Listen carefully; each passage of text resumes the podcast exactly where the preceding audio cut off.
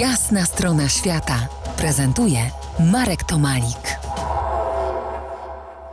Po jasnej stronie świata Andrzej Kruszewicz, ornitolog, podróżnik, współautor książki Planeta Bałtyk i rozmawiamy o tejże planecie. Coś mówiliśmy o wydmach, o klifach poprzedniej części, ale chcemy jeszcze powiedzieć więcej o piasku, o piachu. Tak, to jest piach, który jest e, przytarty siłami wiatru, morza i wody. E, te drobinki zawierają w sobie także różne minerały, które są cenne, rzadkie albo nawet półszlachetne czy szlachetne. Trzeba to dopiero obejrzeć w mikroskopie, są tam nawet cyrkonie, tylko że wielkości tych ziarenek piasku. E, Słowiński Park ze swoimi wydmami oczywiście był inspiracją także dla na przykład Krystiana Matyska, który tam zrobił film, film pod tytułem Santis the Enemy. A Niemcy znowu na wydmach, na, na terenie współczesnego parku e, trenowali swoich żołnierzy przed inwazją na Afrykę Północną, więc e, to też się do tego przydawało. Tam ciągle ten, ten piasek oddaje jakieś elementy z tamtych czasów. E, więc ten piasek jest darem, który dostaliśmy od lądolodu, który go tam zostawił, przetarł skały i zostawił na ten piasek. I mamy to szczęście, że mamy tak piękne wybrzeże, piaszczyste wybrzeże, dlatego że Skandynawowie mają, mają wybrzeże kamieniste, a dalej na północ, no poza Litwami, Litwą, Łotwą, Estonią, ale dalej to też są tylko wybrzeża kamieniste, co sprzyja fokom, ale nie sprzyja turystom. No i nad Bałtykiem mamy też y, łąki wodne. Obserwowałem też y, takie właśnie łąki, łąki wodne w Zatoce Rekina w Australii Zachodniej u brzegów Oceanu Indyjskiego.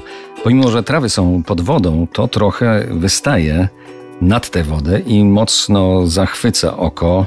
Nie miałem świadomości, że w polskim Bałtyku są podobne. Czy naprawdę mamy łąki wodne w Zatoce Puckiej? Tak, Zostera bardzo się odrodziła. Jest to po prostu skarb dla, e, dla Zatoki Puckiej. Tam też są łąki lądowe, które są okresowo salowane przez morze, takie słone łąki, ale najważniejsze są te łąki podwodne, przez, jakby wytworzone przez trawę morską Zosterę, która zanikła, a teraz pięknie się odradza i rzeczywiście ona natlenia wodę. Daje schronienie rybom na tarło dla narybku, poza tym jest to płótkie, płótkie miejsce Zatoki Puckiej, tam 2-2,5 metra, czasem trochę więcej, ale jest to woda woda nasłoneczniona, ciepła, bogata w trawę morską, która produkuje tlen i ten tlen produkuje także w swoim systemie korzeniowym i uwalnia go pod ziemią.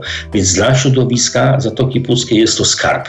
No to na zakończenie tej części yy, o nurkowaniu dwa słowa. Jesień to jest okienko pogodowe do podwodnych eksploracji Bałtyku. Woda jest mniej mętna, tak?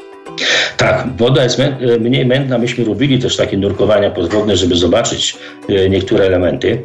E, tutaj trzeba powiedzieć wyraźnie, że niektóre wraki są udostępnione do turystycznego zwiedzania poprzez nurkowanie. Więc są takie miejsca, są i takie zakazane i ogólnie rzecz biorąc są szlaki wodne, gdzie w ogóle nie powinno się nurkować, ale są miejsca udostępnione do takiego rekreacyjnego zwiedzania.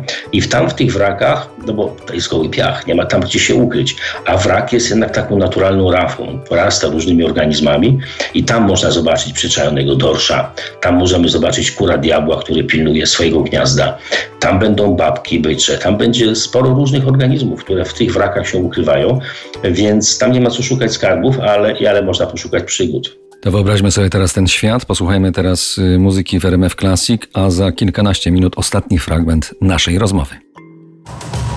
To jest jasna strona świata w RMS Classic.